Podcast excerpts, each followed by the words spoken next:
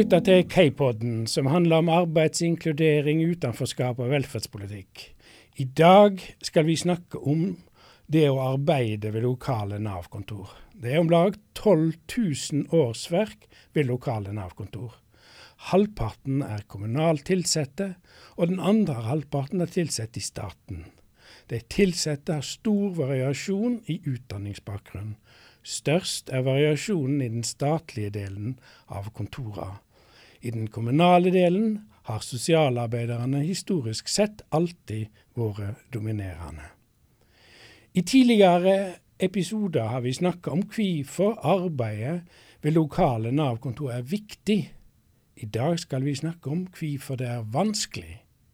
Vi spør er det først og fremst trekk ved selve arbeidet som gjør det vanskelig, eller er det primært mangel på tid og ressurser? Med meg i studio har jeg Heidi Moen Gjørse og Telje Sadegi. Begge har arbeidet ved lokale Nav-kontor, og begge har senere skrevet doktorgrad om ulike sider ved arbeidet i Nav. Aller først, hvorfor er det krevende å arbeide ved Nav-kontor? Det er krevende fordi de som jobber i Nav-kontorene har en uh, oppgave, et samfunnsmandat, å gjøre. Uh, og skal også møte forventninger fra veldig mange ulike eh, brukere. Som ikke nødvendigvis samsvarer med de forventningene de har fra egen organisasjon og arbeidsgiver. Det er krevende fordi at de har et svært komplekst samfunnsoppdrag. Og kunnskapsbasen for å løse disse oppgavene er relativt svakt. Vi skal snakke mer om dette, men episoden er i to deler. I den første skal vi snakke om det er trekk ved selve arbeidet som gjør dette vanskelig og krevende. De to kjerneoppgavene til Nav er inntektssikring og arbeidsinkludering skaper dette dobbeltoppdraget vansker.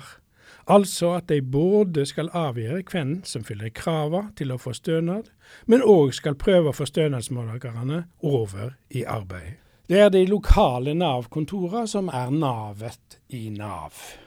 Og hva er det ved dette dobbeltoppdraget som gjør arbeidet så vanskelig ved de lokale Nav-kontorene?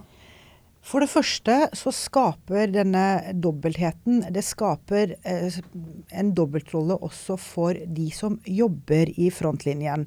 F.eks.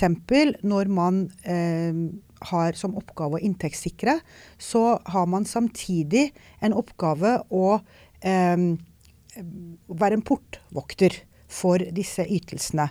Um, og her er det snakk om hvem som skal ha ytelser, hvem som ikke skal ha ytelser. og i hvilken varighet de skal ha ytelsene, og også når man ikke uh, skal ha ytelsen. Altså f.eks. ved brudd på aktivitetsplikt. Og Det er jo slik i Nav at de aller fleste ytelsene er koblet aktivitetskrav til de, slik at dersom du da ikke oppfyller disse pliktene, så kan du miste pengene eller få reduksjon i disse pengene. Så det er en tett kobling mellom ytelser og eh, aktiviteter. Altså arbeidsinkluderingssiden av det og inntektssikringen er tett sammenvevd. Og det kan skape spenninger i arbeidet. Men samtidig så er det jo er det sånn at de som jobber på Nav-kontoret egentlig ikke skal forholde seg så mye til ytelsene og inntektssikringen. For det er, eh, blir saksbehandlet og vurdert andre, i andre instanser i Nav. Så hovedoppgaven til eh, veilederne i Nav-kontoret er å, å, drive oppfølging og, og, få til på en måte hjelpe klientene, brukerne, med arbeidsinkludering og komme inn i arbeidslivet.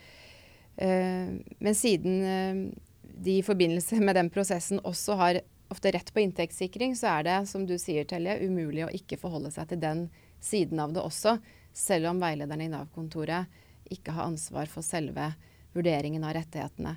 Men det, det henger allikevel tett sammen pga. som du aktivitetskrav eh, som er knytta til stønadene og til eh, arbeidsinkluderingen. Da. Men her, her må vi vel skille mellom hvem som tar den formelle beslutningen, og hvem som saksforbereder og utgreier saker. Uh, og så vidt jeg vet, så utgreies sakene først og fremst ved de lokale Nav-kontorene, stemmer ikke det? Jo, det stemmer, fordi mange av uh, livsoppholdsstønadene har krav om f.eks. at man skal være arbeidsledig eller ha nedsatt arbeidsevne og ha forsøkt ulike tiltak for å komme i arbeid i forbindelse med at man mottar en stønad eller søker på en stønad. Og det arbeidet gjøres jo på Nav-kontorene på lokale, men så tar beslutningen på På, på, et, på et annet, uh, en annen forvaltningsenhet. Og da er de avhengig av å få dokumentert det som er gjort i oppfølgingen av brukeren på Nav-kontoret. Det er helt riktig det Heidi skisserer. Samtidig så vet vi også at som du sa, halvparten av ansatte på Nav-kontor jobber med, den, i den kommunale delen av Nav. Og der har de inntektssikringsoppgavene fra A til Å. Der er det ingen forvaltningsenhet som har vedtaksmyndighet utover det som er på Nav-kontorene. Da snakker vi om den kommunale sosialhjelpen yes, og kvalifiseringsprogrammet? Den, den, den, kommunale sosialhjelpen, kvalifiseringsstønaden. Der foregår alt relatert til inntektssikring på selve Nav-kontoret. Nå, snakker vi om dette som to arbeidsoppgaver, men er det å vurdere om en person oppfyller kravene til å få en stønad, og det å få en person fra stønad til arbeid, to vidt forskjellige kompetanseområder? Det kommer jo litt an på, på hvor nyansert uh, jussen er i, i, i regelverket. Um, sånn som Notelje um, forklare om, om sosialhjelpen, så er den en veldig skjønnsprega lov. Så da vil jeg si at det er mer uh, ligger tettere på hverandre, de vurderingene du gjør i oppfølgingen av brukernes aktivitet og oppfølgingsbehov og behovet for, for stønader.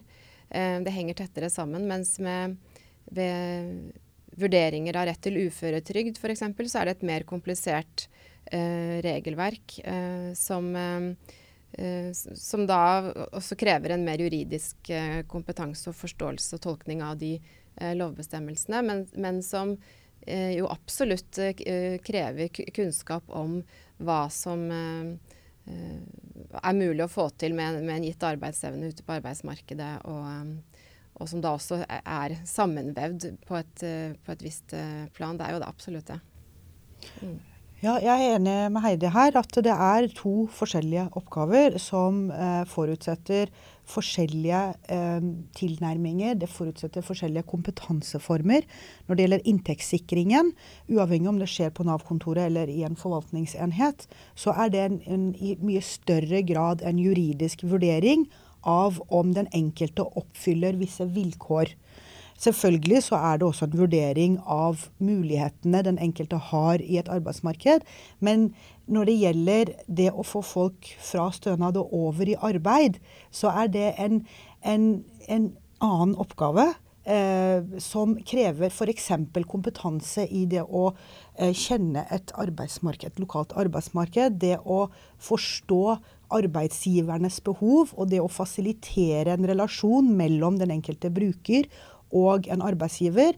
Og det å forstå de sammenhengene og, og, og prøve å, mm, å, å, få til en overgang fra det å være eh, på stønad og over i arbeid. Så jeg vil si at det er to veldig forskjellige arbeidsoppgaver. Og det er også noe av det som kompliserer eh, arbeidet i Nav ytterligere. At det er såpass forskjellige arbeidsoppgaver. Da Nav ble etablert så var det et omgrep, altså arbeidsevnevurdering ble et sentralt omgrep. Og det ble sagt at det arbeidsevnevurdering skulle medvirke til å styrke det faglige grunnlaget for arbeidet ved Nav-kontor. Hva er arbeidsevnevurdering for noe? Det fantes i ulike varianter også før Nav-reformen, både i sosialtjenesten og i Aetat. Men det ble, som du sier, en uh, samlet uh, felles vurdering som skulle binde de forskjellige delene av Nav sammen. Eh, og, og, sånn Nav definerer det, så er det eh, i hvilken grad en person kan være i arbeid. Eh, og hvor man trekker inn eh, både muligheter og begrensninger knytta til egen helse eller andre forhold som gjør, kan gjøre det vanskelig å være i arbeid, men også forhold på arbeidsmarkedet, som Telle var innom i stad. Eh, er det mulig å være i arbeid gitt den helsa man har, eh, og ut ifra hvordan arbeidsmarkedet ser ut. Eh, og også, også, andre forhold. Det er et ganske vidt begrep hvor man kan trekke inn egentlig alt som er av relevans for om man kan være i arbeid eller ikke. Hvis jeg knytter dette til disse begrepene om inntektssikring og arbeidsinkludering, så kan en jo resonnere som, som at, at arbeidsevnevurdering til inntektssikring, det knytter seg til spørsmålet om du ikke har tilstrekkelig arbeidsevne til at du kvalifiserer for en stønad. Mens arbeidsevne knytta til arbeidsinkludering, det knytter seg til om du har en restarbeidsevne som du kan utnytte. Stemmer ikke det? Jo, og det er jo nettopp den eh, de to ulike oppgavene som vi nettopp har snakket om. At, eh, at, Nav skal både se på mulighetene og fremme mulighetene for arbeidsinkludering hos brukerne som, som oppsøker dem. Og da er det jo viktig å, å nettopp ha et mer skal jeg si, mulighets... Eh, se, se, på, se på mulighetene og, og, og ressursene. Um, og tenke fremover um, på hva som kan være mulig å få til. Mens uh, for å vurdere om en person har rett til en inntektssikring, så skal det ligge en litt lignende vurdering til grunn. Er det mulighet for å være i arbeid? Men, uh, men den må jo være en mer sånn sikker og tilbakeskuende vurdering, hvor man på en måte ut, utelukker mer muligheten for det, for å kunne gi en person rett til en offentlig inntektssikring. Så man må tenke på litt ulike, ulike, måter, men det er samme vurderingen som heter, da, heter arbeidsevnevurdering. Men slik jeg har lest om det i bøkene, så ble særlig arbeidsevnevurdering knytta til at man skulle styrke arbeidsinkluderinga. Det skulle bidra til at man skulle få, få folk å se på restarbeidsevnen. Er det slik det har fungert også i praksis? Nei, i den studien jeg gjorde i doktorgraden min, så så kom det jo fram at det, det, var vanskelig å få til av flere grunner. Den ble fort dreid mot inntektssikringsbiten og, og, og for å kunne dokumentere rettigheter til inntektssikring. Og da det er det brukerne kanskje helt umiddelbart trenger mest. Og da er det det den eh, ofte dreier seg om, da. For å dokumentere rettigheter. Og da, da er det ikke så lett å, å, gjøre de mer usikre vurderingene av om man kan være i, i arbeid. Um, og så er det også et kompetansespørsmål, som Telly var inne på. Det krever en egen kompetanse. Um, det å, å, vurdere om folk kan være i, være i arbeid. Uh, hvis vi ser på, går tilbake til den insektsikringsdelen i, i dette her. Uh, Uh, og vi er inne på at, uh, at Nav-kontorene uh, utgreier sakene, gjør saksbehandling, mens beslutningene blir tatt en annen plass. Hvordan, hvordan, altså hos uh, hvordan fungerer denne arbeidsdelinga mellom de lokale Nav-kontorene og de som tar den formelle beslutninga om uførepensjon og AAP osv.? Det er jo, eh, så vidt meg bekjent, relativt lite forskning på det grensesnittet, altså det sam, den samhandlingen som er mellom Nav-kontorene og forvaltningsenhetene. Eh, mine erfaringer fra Nav-kontoret eh, tilsier at at det, var svært utfordrende å få til en, en, kommunikasjon som gjorde at saksgangen ble optimalisert. Så noen ganger så kunne man så kunne man undre seg over om det var et, eh, et ledd som kanskje vanskeliggjorde eh, hele altså, eh, Grunnlaget for at forvaltningsenhetene ble etablert, var jo at det skulle, som du var inne på, Heidi, det skulle frigjøre ressurser.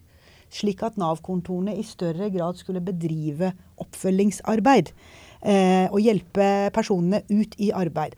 Eh, men så kan man jo stille seg undrende til om det eh, har fungert, eh, akkurat det samarbeidet. Slik at, eh, slik at det faktisk har frigjort for all den tid man sitter på Nav-kontorene og saksforbereder. Man innstiller, ikke sant. Og det er jo Nav-kontorene som har ansikt-til-ansikt-møter med disse personene som blir Eh, eh, som får bistand. Eh, og f.eks. så er det jo den enkelte veileder på Nav-kontor som kan avgjøre om du f.eks. skal få brudd i din stønad dersom du ikke har oppfylt aktivitetsplikten din.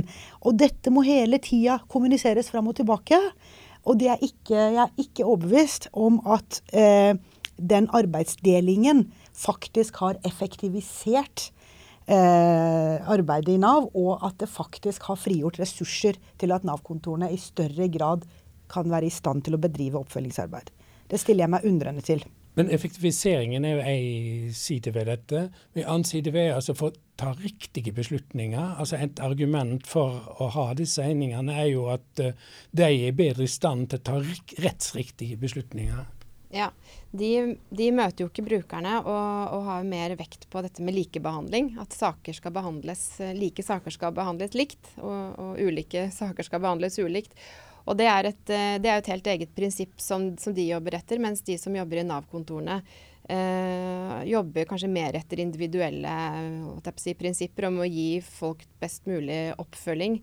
Og, eh, og jeg forsket litt på dette her i doktorgraden min, og det var jo mye stor grad av skriftlig kontakt og lite hva skal jeg si, sånn flytende dialog på tvers av de enhetene som Telle beskriver her. Altså det er litt, uh, kanskje litt tette skott mellom enhetene. Og, og, det kan også føre til at altså den tette oppfølgingen Nav-veilederne har med sine brukere, kan også noen ganger føre til at de blir tar rollen som brukernes advokat i møte med kollegaer faktisk da, i en annen enhet i Nav for å tale. Altså de vil tale brukernes sak hvis de har et, eh, et, et inntrykk av hvordan de f.eks. har prøvd alle muligheter eh, og, og, ikke har noen flere eh, noe mer restarbeidsevne da, og, og, og søker på en uføretrygd f.eks. Er det brukerens advokat som tar den beste beslutningen?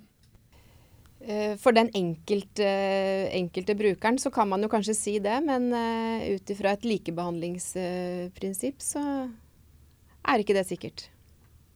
Den andre elementet ved siden av inntektssikringa, det er altså arbeidsinkluderinga. Og hva er det ved denne arbeidsinkluderinga som er utfordrende? Det som er utfordrende med arbeidsinkludering, er først og fremst at kunnskapsbasen er svak. Vi vet i dag lite om hva som virker inkluderende.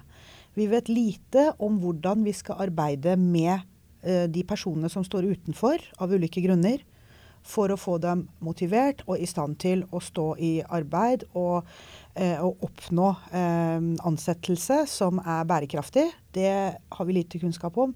Vi har samtidig lite kunnskap om hvordan vi kan arbeide med arbeidsgivere for å motivere de til å ta imot personer som står utenfor av ulike grunner. Eh, men, men, før du går videre, Hvorfor har vi så lite kunnskap? Hvorfor? Det er jo slik at det er tidkrevende å utvikle kunnskap på et felt. Så når det er et relativt nytt fenomen, så, så sier det seg selv at det er lite kunnskap. Samtidig så er dette, dette er, er uh, kjernen av uh, sosialfagene, og det er komplekst å forske innenfor sosialfagene. Hvordan skal vi forske på dette? Så er det veldig mange ulike tradisjoner og perspektiver på hvordan vi skal gjøre det. Men det som er eh, ganske sikkert, tror jeg, er at det er komplekst. Og det er svært krevende å finne gode design, forskningsdesign, som, klar, som, er i stand til å produsere gyldige, valide kunnskaper om feltet. Vil det si at uh at om vi hadde møttes om ti år, så ville de stort sett si det samme, fordi det har noe med feltets karakter å gjøre. Mer enn hvis de ikke hadde nok tid og uh, nok ressurser til å forske. Er det slik å forstå? Ja, det kan hende, men samtidig så kan dette med arbeidsinkludering og arbeidsgiveres vilje til å ansette personer med nedsatt arbeidsevne kan jo utvikle seg og, og, og, styrke seg over tid. Over en tiårsperiode så kan det være mer utbredt, kan man jo se for seg. Det, det, det er ikke bare Nav-kontorer, de lokale Nav som skal arbeide med arbeidsinkludering. Det er også eh, eksterne tiltaksleverandører som jobber med det. Hva er det for noe? Altså Det er et uh, stort tiltaksapparat uh, i Nav, eller vil si utenfor Nav, da, som Nav samarbeider med. Og, og, og det er ulike da, arbeidsmarkedsbedrifter eller andre private uh, firmaer som gjør dette på oppdrag for Nav. Altså de gir brukerne den daglige oppfølgingen og, og hjelper med kontakten med arbeidsgivere, eller har de andre interne tiltak som er arbeidsrelatert. Og nå er det jo stadig større forventninger om at dette skal skje gjennom samarbeid med arbeidsgivere. Sånn at det skal skje ute i, i arbeidsliv og ikke inne på skjerma bedrifter. Eh, så spørsmålet er jo skal disse oppgavene knyttet til arbeidsinkludering og, og følge opp eh, en, en, bruker hos en arbeidsgiver skje av eksterne anbudsutsatte uh, leverandører? Uh, eller skal det skje av de som jobber i Nav, som kanskje tradisjonelt har hatt en kontor, eller som har hatt en kontorbasert tjeneste tradisjonelt? Eh, ja, det er, jo, det er et spørsmål, og, det, og det, skjer, det, skjer, jo på begge måter. Men hva tenker dere om uh, dette? Jeg tenker at arbeidsmarkedsbedriftene som har hatt uh, oppdraget med å levere tiltak til Nav i en årrekke, um, kanskje har uh, god kompetanse på det, men det vet vi lite om. Um, samtidig så, så, er det jo et ønske om å utvikle den type kompetanse innad i Nav også, og det er jo også mulig å gjøre. Eh, så jeg eh, vet ikke om jeg har noe klar formening om akkurat hvem som, som burde gjøre det. Jeg vil jo si at det kan være klare fordeler med at Nav i større grad gjør disse oppgavene. Og grunnen til at jeg sier det, er at um, det er som du sier, Heidi, man trenger å utvikle denne kompetansen i Nav. Og når man i så stor grad outsourcer, altså lar eksterne aktører utføre disse oppgavene, så kan den kompetanseutviklingen som bør skje i Nav eh, på feltet arbeidsinkludering, bli skadelidende til dels. Så det å i større grad fokusere på å ta inn igjen disse oppgavene, det, det vil, mener jeg, være fordelaktig. Men denne konkurransen, Dette er jo en konkurranse mellom private aktører. Fører ikke det nettopp til kompetanseutvikling? Er det ikke den konkurransen som virker kompetanseutviklende? Jo, det kan uh, sies at det virker uh, kompetanseutviklende. Samtidig så har vi jo også holdepunkter for at det er store ulemper med det. F.eks. noe som man i forskningslitteraturen kaller for creaming. Altså at eksterne tiltaksarrangører de er uh, avhengig av å vise til resultater for å få anbud.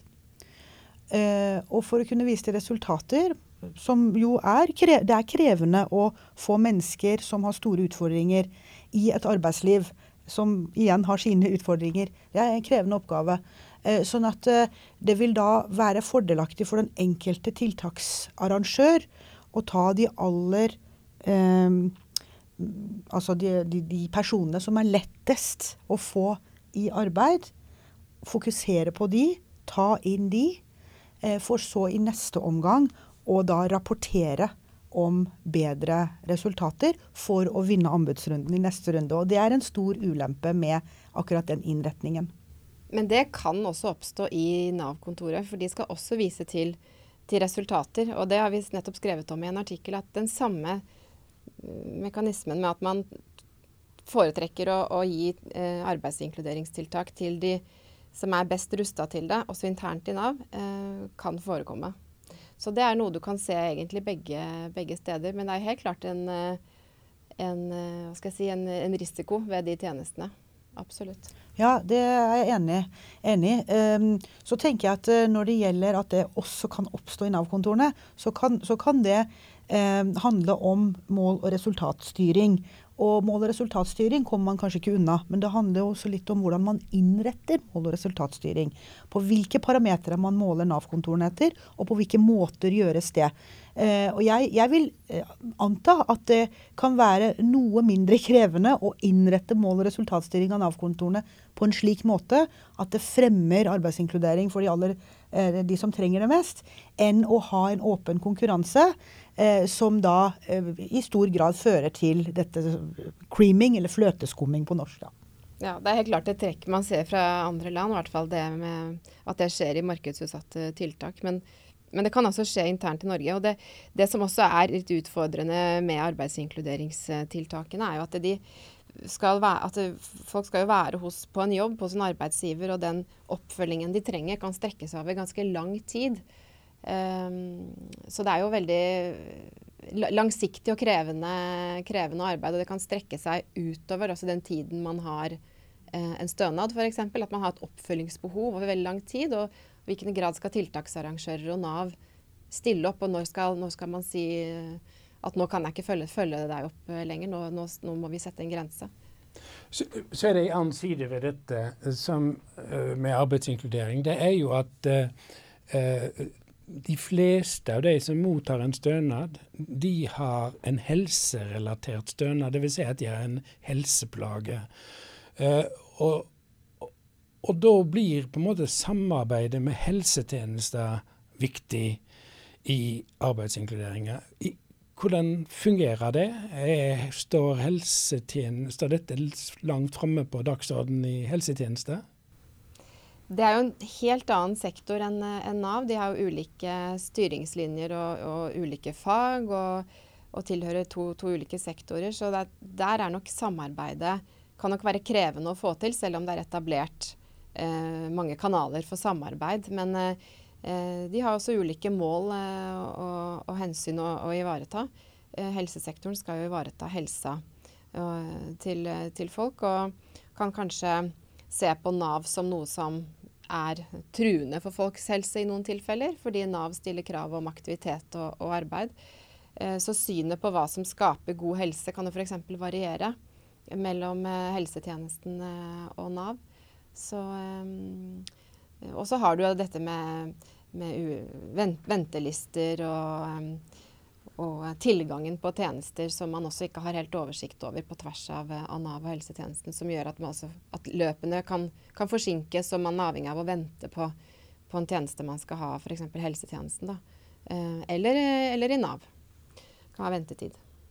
Ja, eh, det er gode holdepunkter for at eh, Nav og helsetjenestene i større grad bør samhandle. Og det er samtidig gode holdepunkter for at eh, den samhandlingen er utfordrende. Og det er som Heidi er inne på, at det er ulike logikker eh, som er styrende for disse to eh, hovedaktørene. Og, eh, og, det kan skape kollisjonskurs i den samhandlingen. Og vi ser f.eks. i, i IPS individual placement and support, så ser vi jo det er jo fundert nettopp på disse integrerte tjenestene mellom Nav og helse. Og, og det er eh, et stort forbedringspotensial når det gjelder å få til det, den samhandlingen. Eh, jeg kan du utdype det? Ja, F.eks. så er det relativt lite kommunikasjon mellom Nav og eh, DPS f.eks., eller BUP eh, eh, for de unge. Det er eh, slik at man, eh, man, har ofte litt annet syn på uh, hva som er det beste for den enkelte her og nå. Alle kan jo være enige om at, at i mange, mange tilfeller så er arbeid helsefremmende. Det kan også helsetjenestene være enig i. Samtidig så kan man legge fokuset på litt ulike steder, avhengig om man uh, jobber i Nav eller om man jobber i helsetjenesten. Sånn at disse ulike vektleggingene, det kan skape spenning i den samhandlingen. Og Helsetjenesten er jo rigga for å få folk i arbeid. Det er jo ikke derfor vi har en helsetjeneste. Eller? Helsetjenestene er først og fremst rigget for å eh, bidra til folks helse. Og eh, arbeid kan, kan være en del av det. Ikke nødvendigvis, og det kan også handle om hva slags type arbeid. Det er ikke gitt at, at uh, hvilken som helst type arbeid vil kunne fremme helse hos den enkelte. Det er ikke gitt.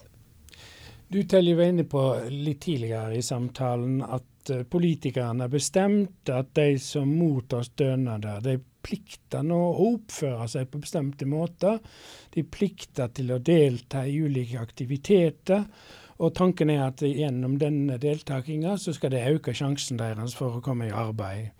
Men hvis de ikke deltar i disse aktivitetene, så ligger det føre en trussel om at stønaden kan bli redusert, eller den kan falle bort. Altså en sanksjon, som en, en sier. Hvordan preger dette pålegget med aktivitetsplikt arbeidet på, på Nav-kontorene?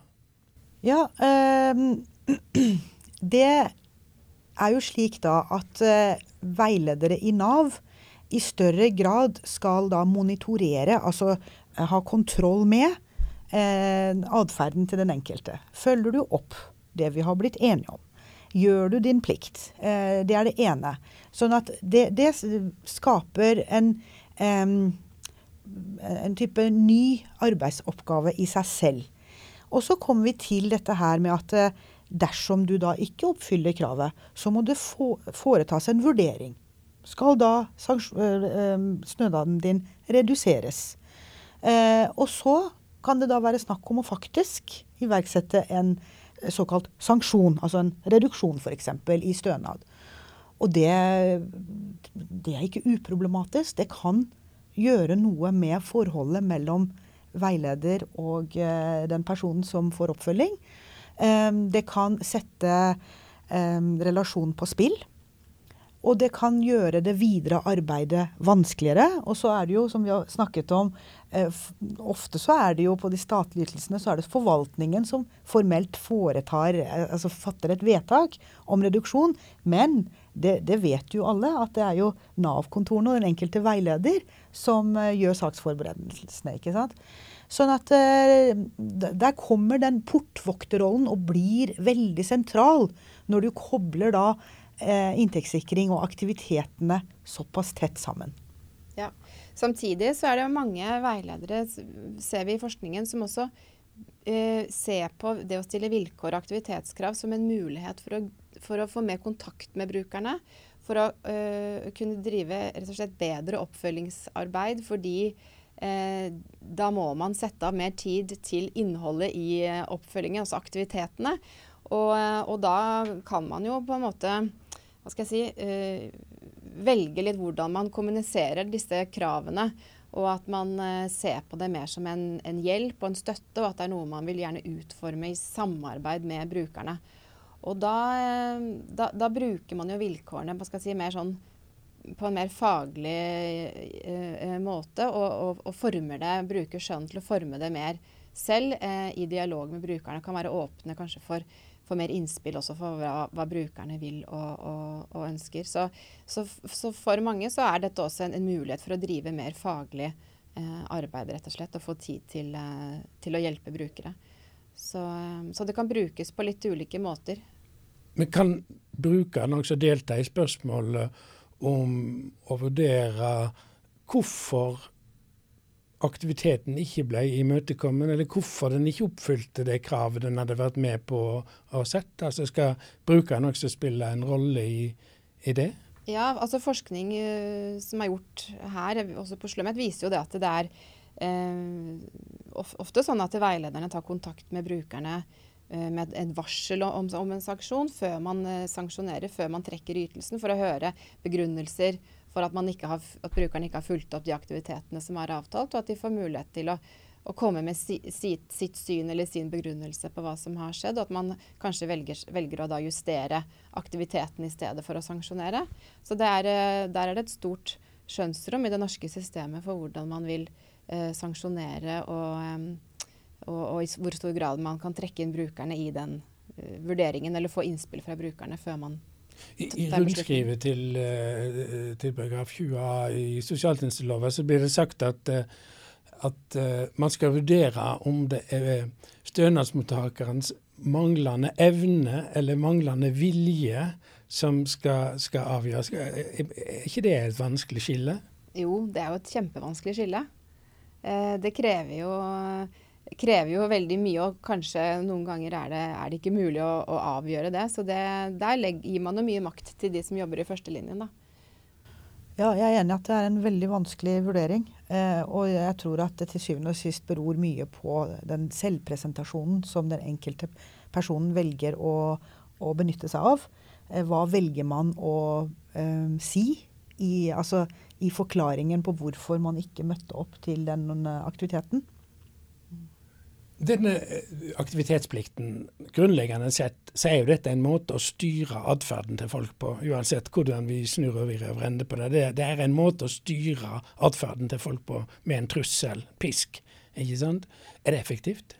Hva vet vi om, eh, om det? Um, jeg tror at der er det mye altså Det er et omstridt spørsmål, da, om det, er, om det hjelper, om det er effektivt.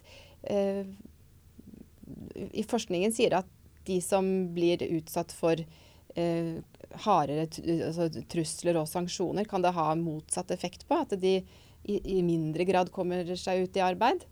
Eh, så det er nok ganske omdiskutert. Ja, det er omdiskutert. Um, og her er ikke forskningen veldig klar ennå. Det vi vet, er jo at uh, det kan ha et potensial til å redusere utgiftene til, i, velferdsordningene. Eh, samtidig så vet vi lite om hva som skjer med de som eh, da kommer seg ut av velferdsstønadene. Går de til arbeid, faktisk? Går de da til svart arbeid? Går de til familieforsørging? Kan, her kan det være mange muligheter. Og dette terrenget er fortsatt uh, ganske, ganske støvete for oss. Vi vet lite om det. Vi har i del én av denne episoden snakker vi Heidi Moen Versø og Telje Sadegi om ulike sider ved selve arbeidet som kan gjøre det vanskelig og krevende. I neste episode skal vi snakke om vanskene ved å arbeide på Nav-kontor, snarere sammenheng med at de ansatte mangler kunnskap og kompetanse, eller at de har mangel på tid og ressurser. Du har lytta til Kaipodden, som er en podkast fra Kompetansesenter for arbeidsinkludering. Vert i Kaipodden er Lars Inge Terum, som er professor emeritus ved Oslo OsloMet.